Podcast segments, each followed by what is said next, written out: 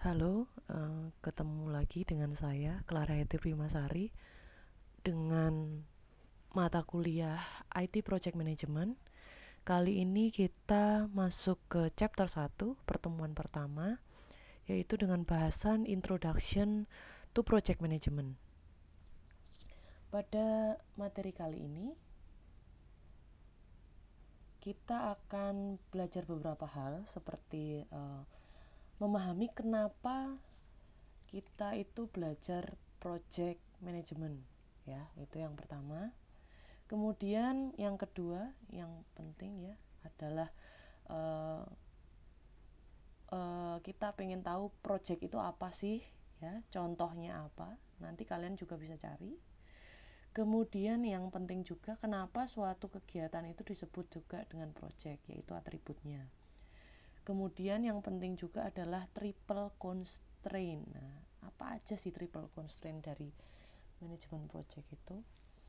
Kemudian tujuan yang ketiga adalah uh, mendeskripsikan project management dan uh, mendiskusikan elemen kunci dari framework project management seperti project stakeholders, kemudian knowledge area, toolsnya yang akan kita pakai pada semester ini dan kesuksesan project bagaimana project itu dikatakan sukses kemudian untuk tujuan pembelajaran berikutnya adalah untuk membahas hubungan antara project, program sama portfolio manajemen dan kontribusi dari ketiga hal itu untuk membuat suatu perusahaan itu sukses.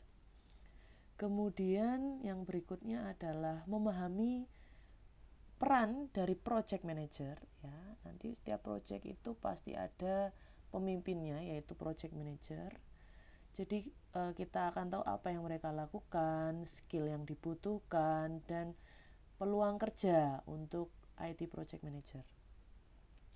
Kemudian tujuan pembelajaran yang terakhir adalah uh, tentang profesinya ya uh, project manager profession itu nanti terdiri dari itu ada institutnya PMI, PMI. Kemudian nanti ada sertifikasinya, kita akan senggol sedikit. Kemudian etikanya dan ada perkenalan beberapa software yang digunakan untuk project management. Tidak sekarang digunakan tapi kita bahas luarnya dulu. Gitu ya. Oke, kita mulai saja. Nah, kenapa sih kita belajar project management ya? Ini mata kuliah semester 4 ya, semester genap di SI. Kenapa sih kita belajar? Yaitu ya, karena e, banyak organisasi ini sekarang e, punya interest ya yang baru atau terbarui tentang project management. Itu ya. Kemudian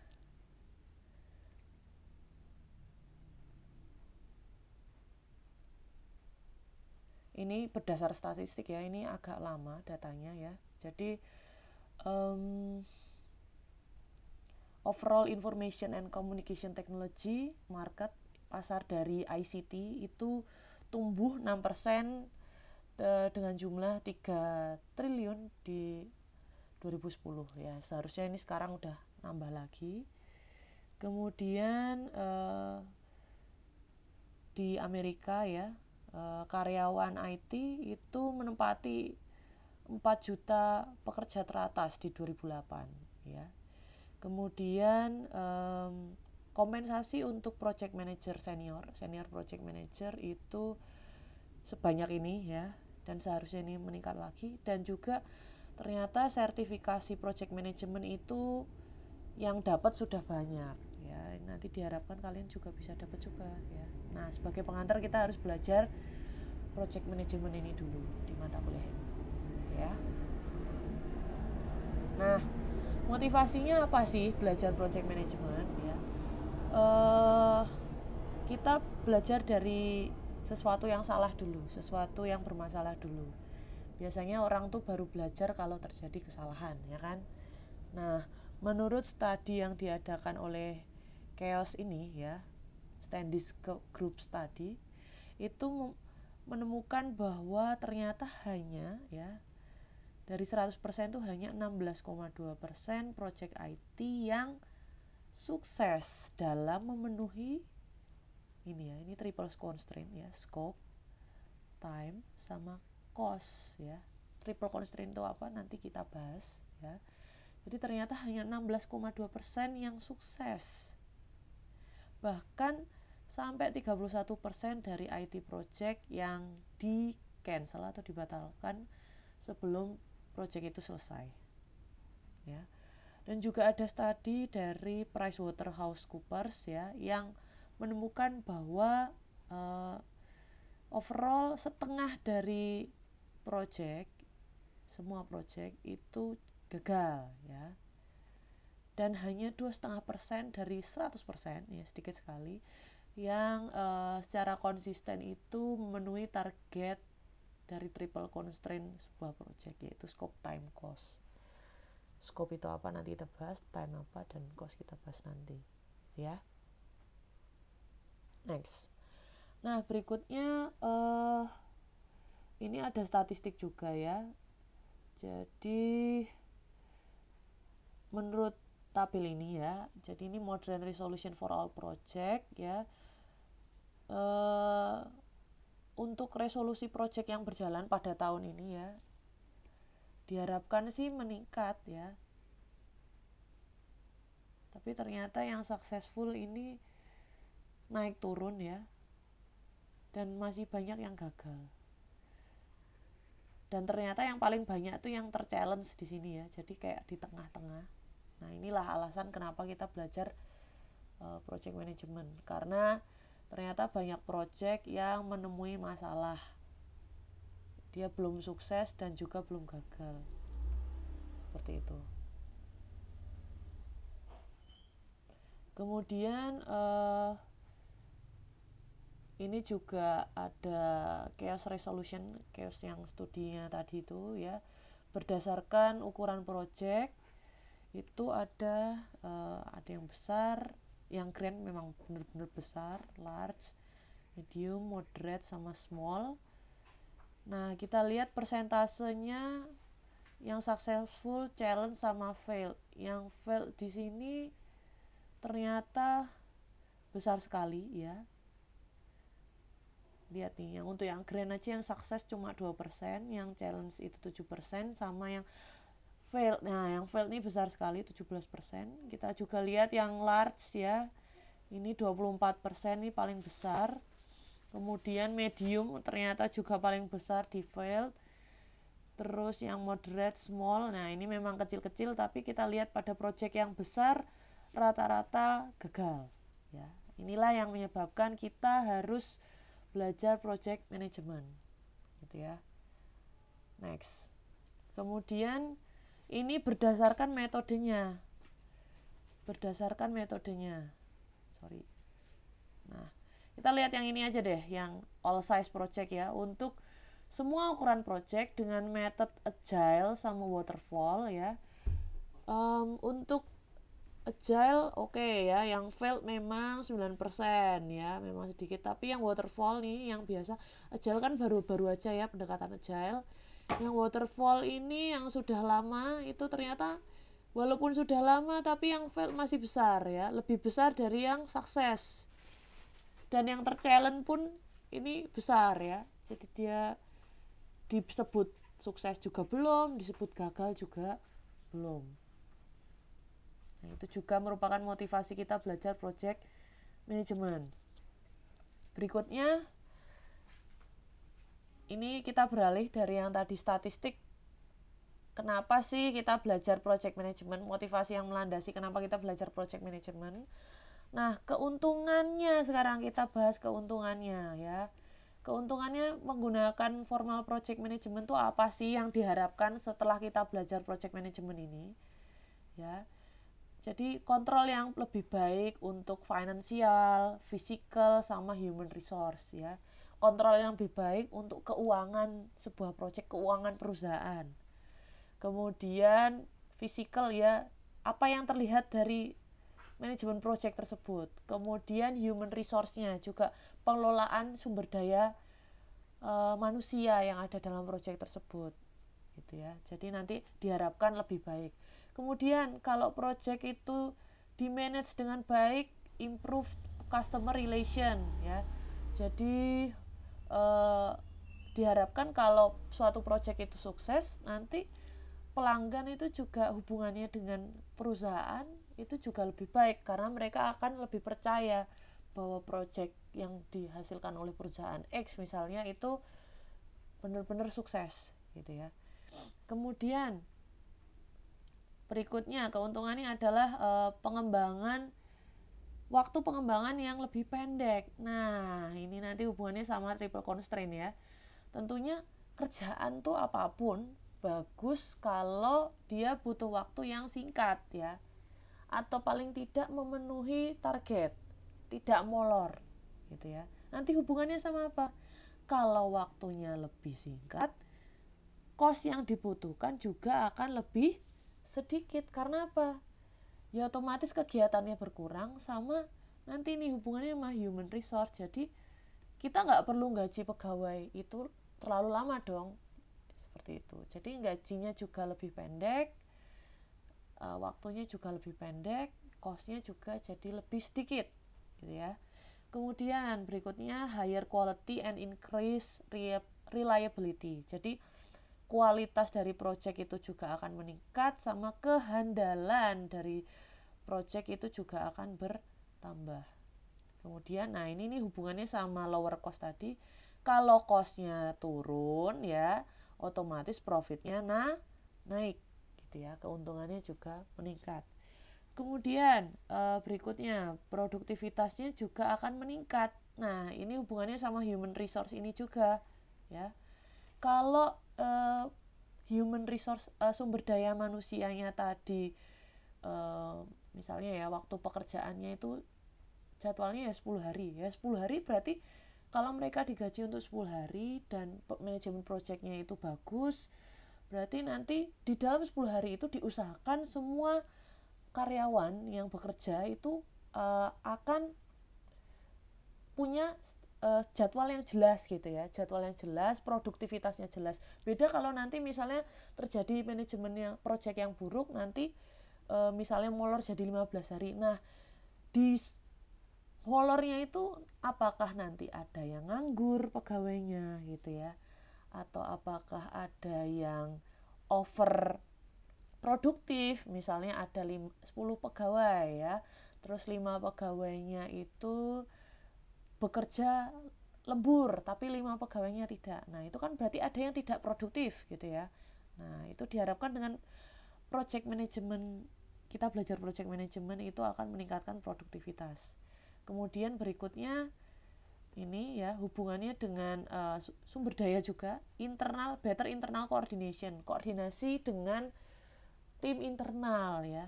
Kalau memanage-nya bagus project manajernya bisa memanage dengan baik anggotanya kompeten dan bisa diajak komunikasi ya.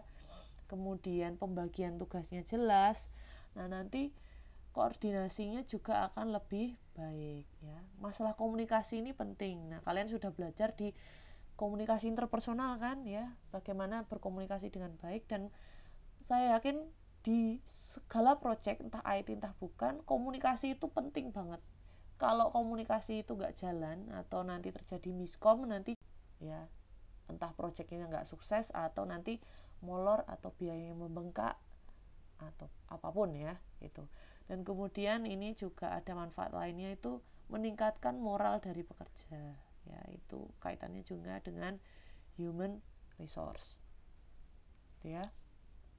Kemudian berikutnya kita ke pengertian project itu sendiri. Nah apa sih project itu ya? Kita bahas project management kita harus tahu project itu apa ya. Jadi project itu adalah temporary endeavor undertaken to create a unique product, service or result ya. Jadi usaha yang temporer ya, yang jadi tidak kekal ya, tidak kekal abadi ya. Uh, digunakan yang dilakukan untuk menciptakan sebuah produk, service atau hasil yang unik ya. Nah, project dilakukan buat apa sih? Ya untuk mempertahankan bisnis suatu perusahaan atau organisasi atau institusi, gitu ya. Menunjukkan bahwa uh, perusahaan ini masih ada loh, gitu ya, masih eksis ya.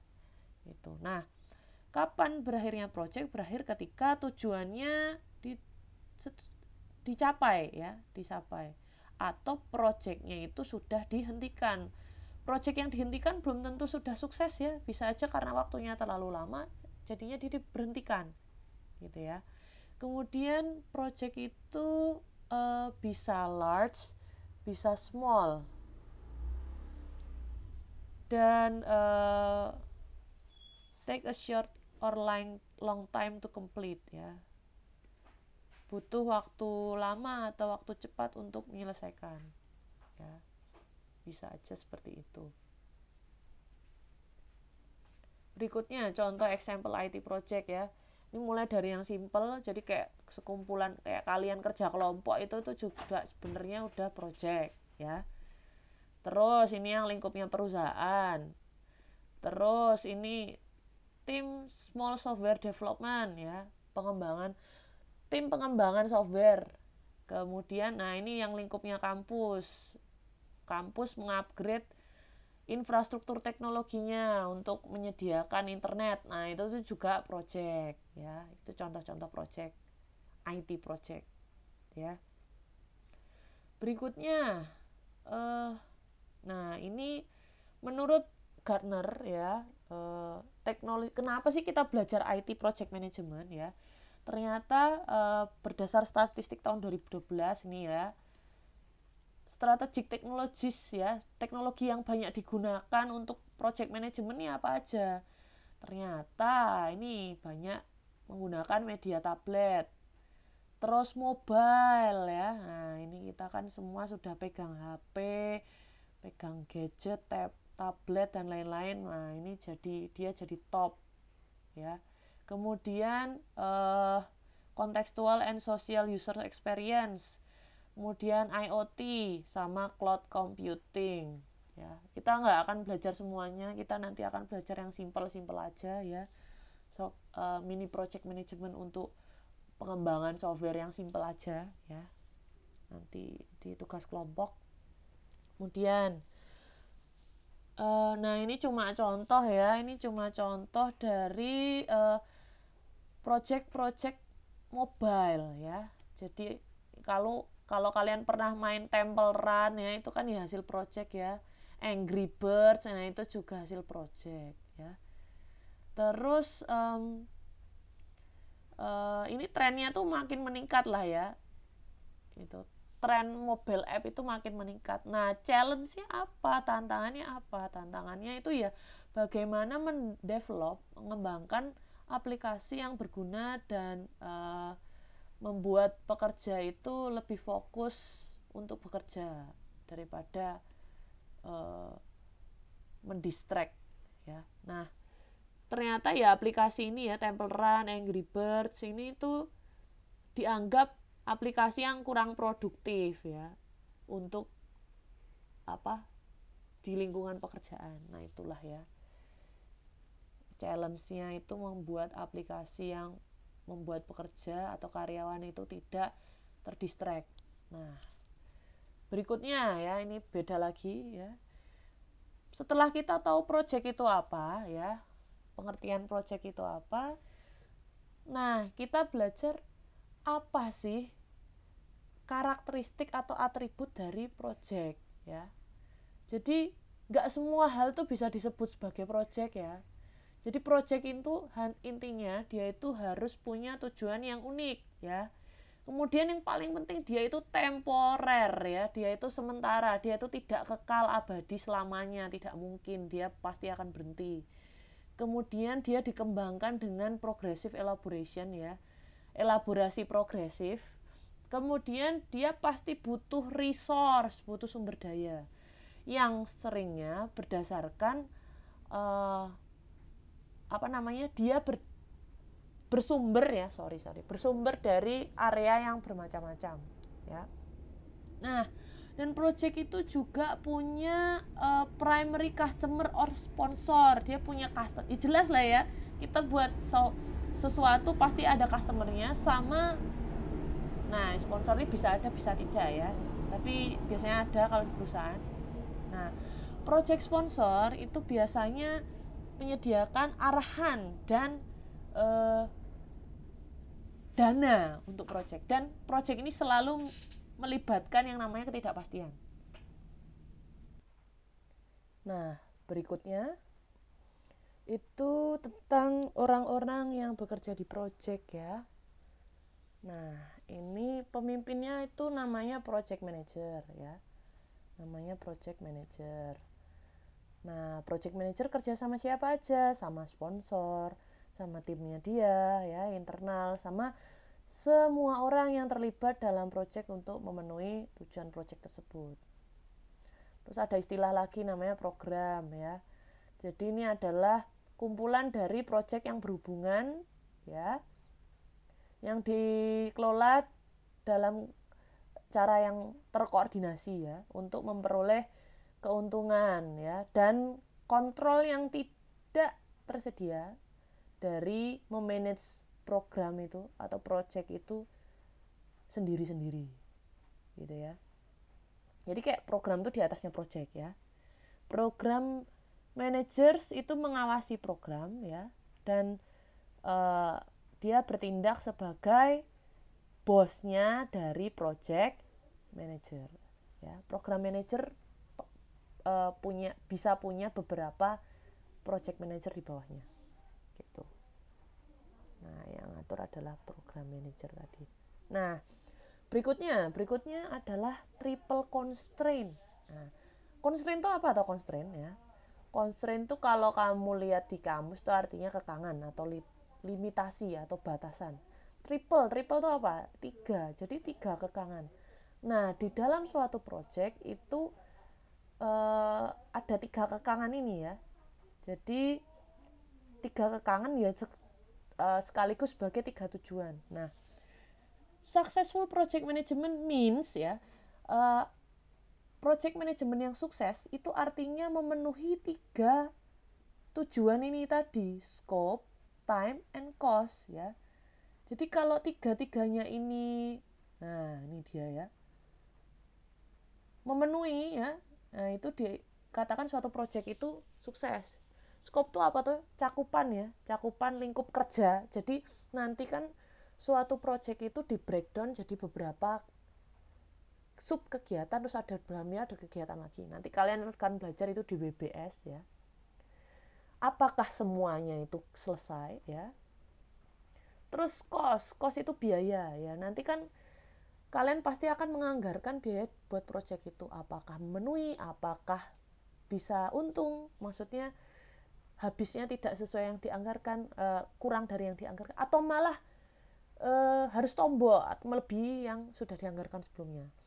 Dan time goal nah ini apakah sesuai dengan jadwal yang ditentukan? Nah kalau skopnya itu nanti semua misalnya semua pekerjaan yang sudah kita tentukan untuk menyelesaikan suatu proyek itu tercapai biayanya enggak molor ya kemudian timenya itu juga sesuai ya jika tiga-tiganya ini terpenuhi ya, proyek kita bisa kita katakan sukses. Gitu ya. Nah, itu namanya triple constraint. Nah, kegagalan untuk memenuhi salah satunya itu bisa dibilang proyek kita ya agak tidak sukses gitu ya. Jadi agak sedikit gagal seperti itu ya.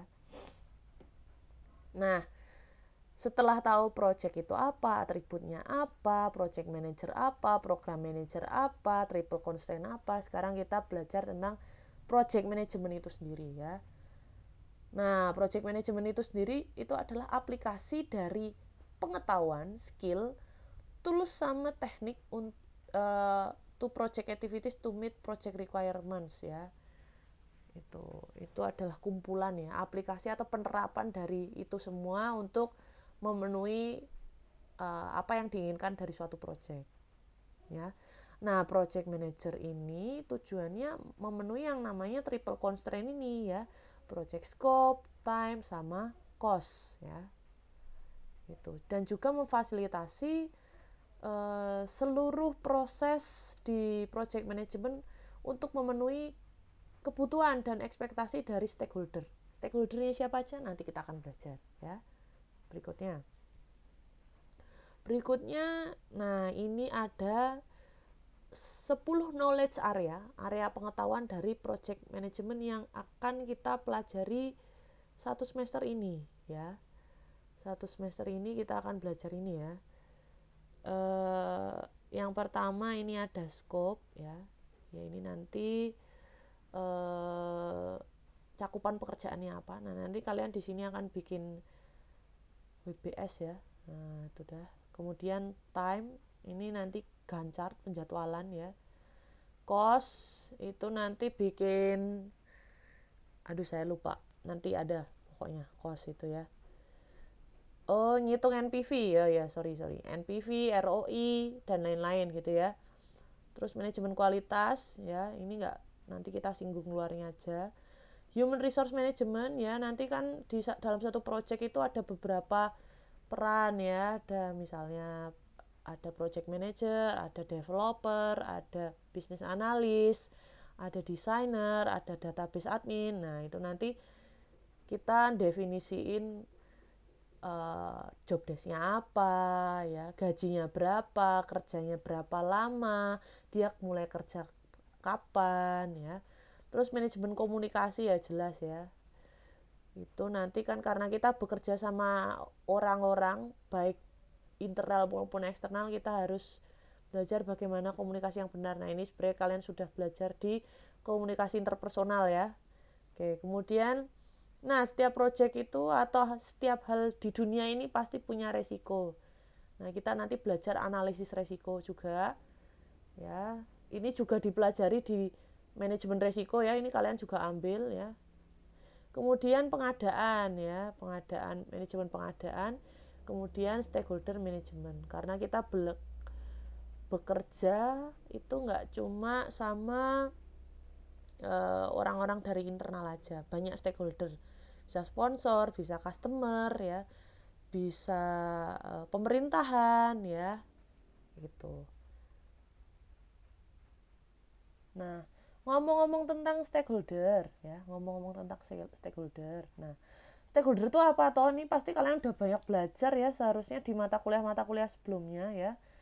Jadi stakeholder itu orang-orang yang terlibat atau uh, terefek ya, kena efek, kena imbas dari aktivitas project. Siapa aja tuh stakeholder itu bisa sponsor, bisa manajer, bisa tim ya, bisa support staff, bisa customer, bisa pengguna sistemnya nanti, kemudian supplier atau bisa lawannya dari project kita ya. Kompetitor. Nah, gitu.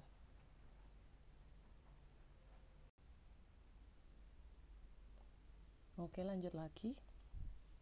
Berikutnya adalah project management tools dan techniques ya.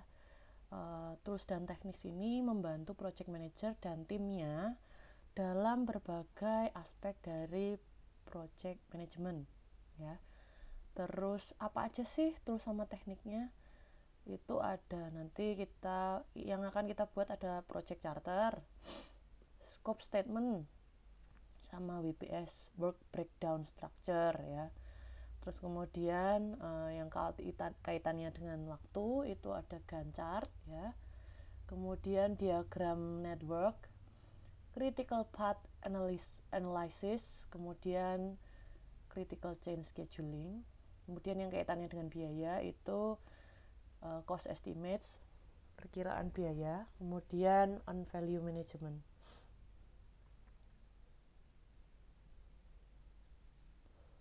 Kemudian ada yang namanya super tools ya. Nah, apa itu super tools? Super tools itu adalah tools yang um, punya penggunaan yang tinggi dan potensial cukup potensial uh, sangat potensial sorry ya untuk mengimprove kesuksesan suatu project. Bisa aja software untuk scheduling ya. Nanti bisa pakai Microsoft Project terus scope statement requirement analysis sama lesson learned reports. Nah tools yang uh, digunakan it, itu um,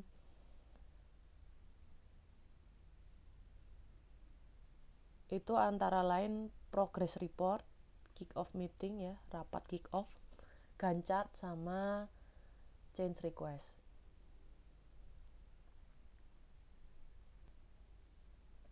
Oke, berikutnya uh, alasan dari bertambahnya kesuksesan project itu macam-macam ya. Yang pertama itu rata-rata biaya dari project itu dipangkas lebih dari setengah. Ya, udah banyak tools yang membuat uh, yang digunakan untuk mengmonitor sama kontrol progres dan uh,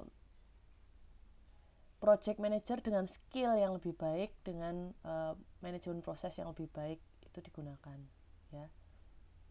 Jadi ini alasannya ya. Jadi um, biaya project yang uh, dipangkas lebih dari setengah kemudian better skill project manager with uh, better management proses ya. Project manager dengan skill yang lebih baik dengan manajemen yang lebih baik juga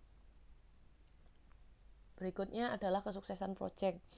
Nah, tadi kita udah belajar uh, triple constraint ya. Nah, yaitu uh, triple constraint itu memang berkaitan dengan uh, apakah suatu project itu bisa dikatakan sukses ya. Nah, di sini ada beberapa cara ya untuk mendefinisikan suatu project itu sukses atau tidak. Jadi, yang pertama itu memenuhi scope time cost ya triple constraint itu tadi. Atau memenuhi uh, keinginan dari customer atau sponsor.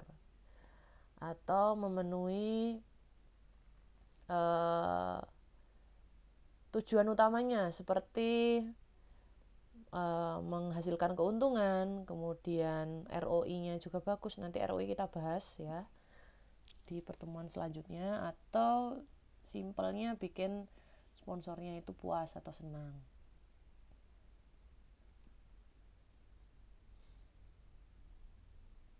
Nah e, terkait dengan kesuksesan project apa sih yang membuat suatu project itu sukses ya? Ini ada 10 e, penyebabnya. Jadi keterlibatan pengguna ya. Pengguna itu adalah orang yang nantinya akan menggunakan hasil dari project kita ya kalau dia dilibatkan dari awal ya dan dilibatkan dengan baik dengan optimal tentunya setelah proyeknya jadi barangnya jadi nanti juga akan memuaskan si pengguna itu sendiri. Nah maka dia menempati nomor satu. Kemudian dukungan dari eksekutif ya dari atasan ya. Kemudian tujuan bisnis yang jelas kedewasaan emosional kemudian uh, scope optimizing ya optimizing scope ya. Kemudian agile proses expertise kepakaran dari project management. Sumber daya manusia yang terskill atau yang punya skill ya. Eksekusi dari project itu sama terus sama infrastrukturnya. Gitu ya. Itu yang menyebabkan project sukses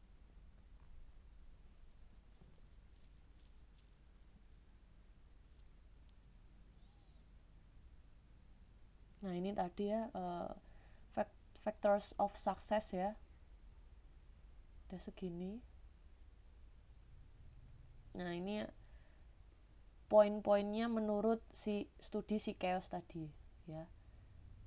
Jadi uh, eksekutif sponsorship menempati yang pertama nih ternyata berdasarkan studinya chaos sponsor itu punya 15 poin andilnya untuk kesuksesan suatu project ya baru emotional maturity dan lain-lain. Oke, kemudian ini contoh kasus ya. Uh, ini kasusnya ada di buku ITPM-nya, tapi ini kita bahas secara cepat aja.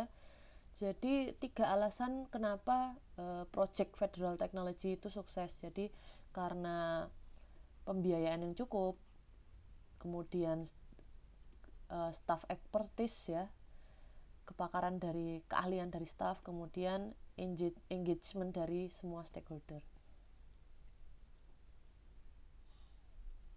Nah, ini tentang project manager project manager yang uh, sukses ya.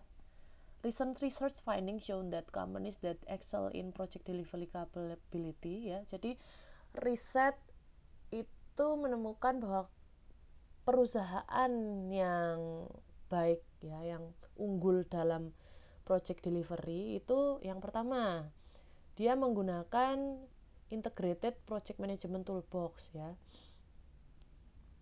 Nah ini nanti yang akan kita pelajari satu semester ini.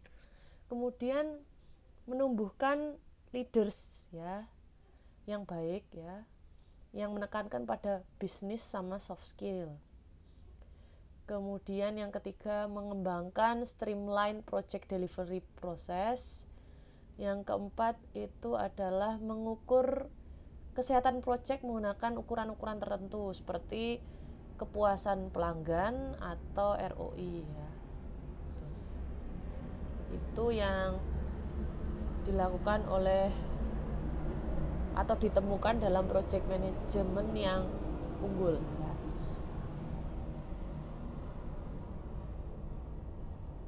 Nah, tadi program sudah ya tadi ya, program sudah e, program itu kan e, kumpulan project ya. Kemudian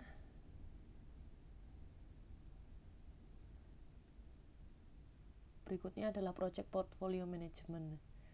Ini adalah ya kumpulan project-project ya, kumpulan project-project yang sudah ada dalam suatu perusahaan Nah, itu dimanage oleh seorang yang namanya portfolio managers ya. Ngapain dia? Dia membantu organisasi untuk um, membuat keputusan investasi ya, dengan memilih dan menganalisis proyek dari perspektif strategi perusahaan. Nah, ada yang namanya project management tadi ya yang kita bahas di awal, ada yang namanya project portfolio management. Bedanya apa ya? Itu kalau project management nah project management itu hanya satu persatu project ya yang ada di dalam perusahaan. Sedangkan project portfolio management itu kumpulan project yang ada di dalam suatu perusahaan. Bedanya di mana? Project management itu untuk mencapai tactical goals ya. Tactical goals itu apa sih? Jadi tujuan jangka pendek dari suatu perusahaan ya. Perusahaan itu kan pasti punya tujuan jangka pendek ya. Nah itu dicapai dengan suatu project ya projectnya bisa banyak.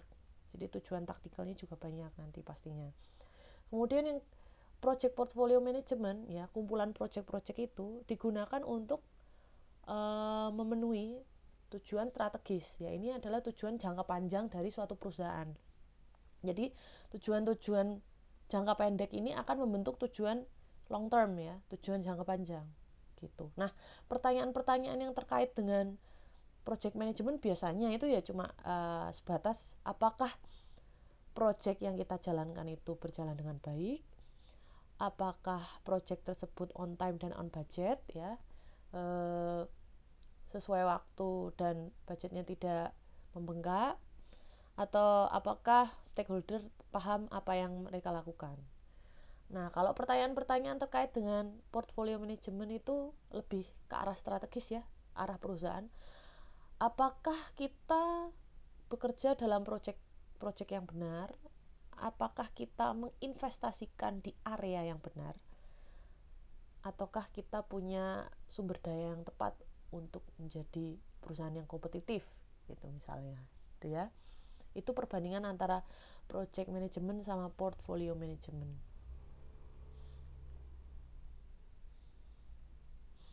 Nah ini contoh dari project portfolio approach ya. Jadi di dalam suatu perusahaan itu kan pasti banyak bagian ya, ada marketing, HR, material, IT ya. Di masing-masing ini kan pasti punya project ya, project, project. Nah, kumpulan ini juga mesti ada project, project, project, project, project, project, project, project, project, project. Nah, kumpulan-kumpulan project ini yang namanya port project portfolio. Nah, manajemennya ya project portfolio management itu tadi ya. Nah eh, ada tiga macam ini ya tiga macam project ya project portfolio kategoris ya. Jadi ada yang core ada yang growth ada yang untuk venture ya. Yang core itu itu adalah project inti yang gunanya untuk uh, menjalankan bisnis ya. Ini harus dijalankan. Sedangkan growth itu untuk yang untuk mengembangkan bisnis sedangkan yang venture itu untuk mentransformasikan bisnis. Nah yang core ini dia akan pakai yang namanya discretionary cost. Jadi ini tuh harus dijalankan sehingga biaya untuk project yang core ini itu memang harus dialokasikan gitu ya harus dianggarkan. Sedangkan yang discretionary cost ini ini uh, jadi yang uh, project yang untuk growth sama venture ini tidak harus dilakukan ya. Karena dia bukan inti. Jadi biayanya itu tidak bisa diadakan bisa tidak tergantung dengan uh, perusahaannya ya. Oke, berikutnya adalah peran dari project manager ya job desknya bisa macam-macam tapi uh, mostly itu adalah tentang uh, planning ya perencanaan project penjadwalan project koordinasi dalam project dan bekerja dengan orang-orang yang ada dalam project tersebut untuk mencapai tujuan suatu project nah ingat bahwa 97% dari project yang sukses itu itu dipimpin oleh project manager yang berpengalaman ya. Yang bisa mempengaruhi sukses faktornya ya. Kemudian uh, untuk project manager sendiri itu ada saran-saran skill atau keahlian yang harus dipenuhi uh, ya. Seperti PM box ya. Ini nanti ada trainingnya kayak gini ya PM box ini. Kemudian um, aplikasi dari knowledge area, standar dan regulasi, kemudian pengetahuan tentang lingkungan project, kalian dan pengetahuan dari manajemen secara umum, dan yang tidak kalah penting adalah soft skill sama human relation, karena kita bekerja dengan orang, ya. Oke, nah selain itu ada 10 skill yang paling penting ya untuk project manager. Ternyata yang paling penting adalah pertama people skills ya. Kemampuan untuk menghadapi orang ya. Yang kedua leadership kepemimpinan. Tiga mendengar ya. Kita akan mendengar keluh kesah dari bawahan dari customer dari sponsor dari stakeholder ya kemudian integritas uh, sikap etis ya uh, dan konsisten. Kemudian strong saat um, membuild kepercayaan. Kemudian komunikasi verbal. Kemudian um, kuat dalam membangun tim ya. Resolusi konflik konflik management critical thinking problem solving penting banget dan uh, memaham, pemahaman ya balance priorities ya prioritas yang seimbang.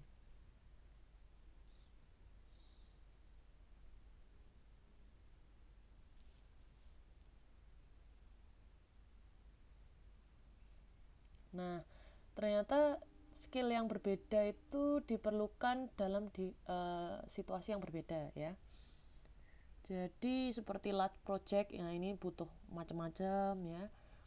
High uncertainty project project yang penuh dengan ketidakpastian itu butuh apa? Oh manajemen resikonya yang paling besar kemudian manajemen ekspektasi dan lain-lain dan yang lain-lain ya. Jadi tiap project itu unik ya. Jadi apa yang keahlian apa yang diperlukan itu nanti akan berbeda-beda gitu ya dalam setiap project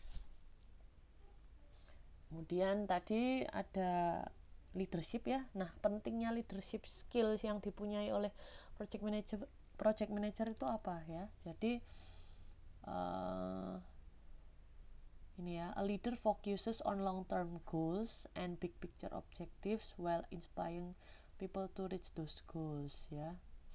Jadi seorang pemimpin itu diharapkan berfokus pada tujuan jangka panjang dan tujuan secara besarnya ya sambil menginspirasi orang-orang yang ada di proyek tersebut untuk mencapai tujuan kemudian manajer itu uh, berurusan dengan detail hari per hari ya untuk memenuhi tujuan spesifik.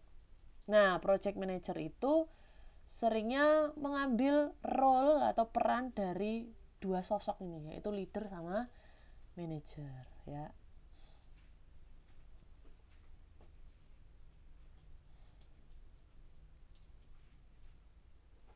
Nah, uh, selain belajar project management itu penting karena motivasi-motivasi dan alasan-alasan yang udah dijelaskan di bagian pertama tadi ya di awal tadi ternyata um, ada nine hottest skills ya skills yang paling hot ya di bidang IT ya dan project management ini menempati urutan kedua ya.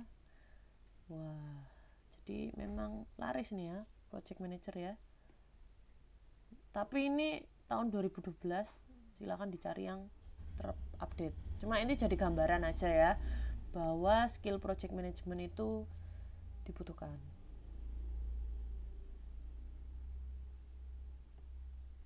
Nah ini ya berkaitan dengan itu ya profesi project management itu bertumbuh dengan sangat cepat ya. Ini history ya. Ini membangun piramida di Mesir.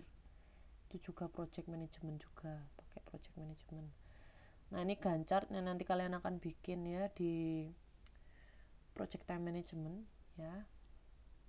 Nah nanti dari gancar itu di mm, di generate uh, networknya. Jadi nanti tahu critical pathnya ya jalur terpanjangnya kemudian ada yang namanya project management office ya jadi grup yang bertanggung jawab untuk mengkoordinasi project management function ya dalam organisasi.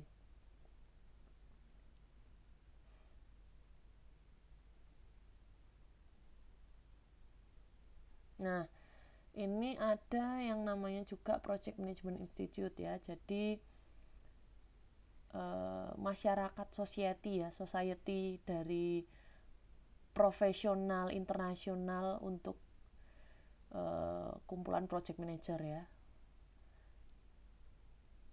Nah, membernya itu ternyata sudah cukup banyak, ratusan ribu, harusnya sekarang udah meningkat lagi. Nah, itu ngapain? Nah, mereka itu ada komunitasnya yang melatih lati, banyak latihan di berbagai macam area ya, seperti information system, financial service dan lain-lain. Ya, latihan project management.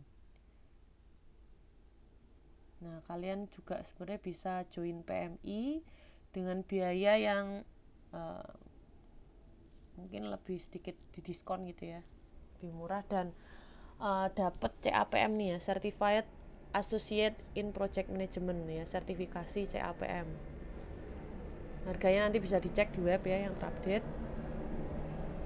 Nah PMI sendiri itu tadi menyediakan sertifikasi yang namanya PMP ya Project Management Professional. Ya.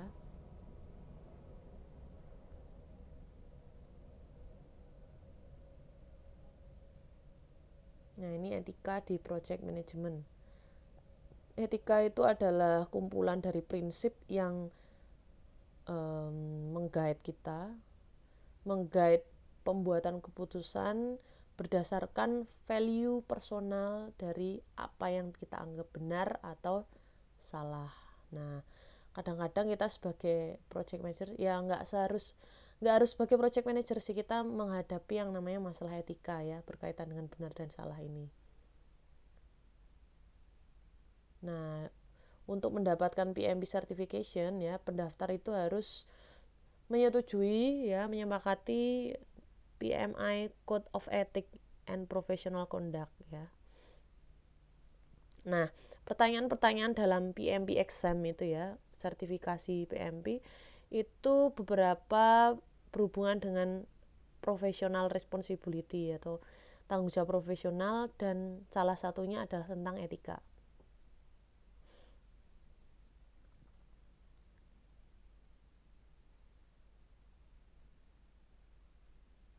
Ini project management software itu banyak. Cuma yang nanti kita pakai itu adalah Microsoft Project. Ya ini adalah summary yang apa yang kita sudah pelajari hari ini ya. Jadi tentang apa itu project ya. Kemudian project management itu apa. Kemudian um, program itu apa. Project portfolio itu apa. Kemudian project manager itu apa dan profesi terkait project management ya. Itu dia. Nah sekian uh, penjelasan dari saya pada chapter 1 ini. Kurang lebihnya mohon maaf ya. Kalau ada pertanyaan bisa hubungi saya atau tanyakan ke saya secara langsung. Terima kasih. Selamat berjumpa di uh, chapter kedua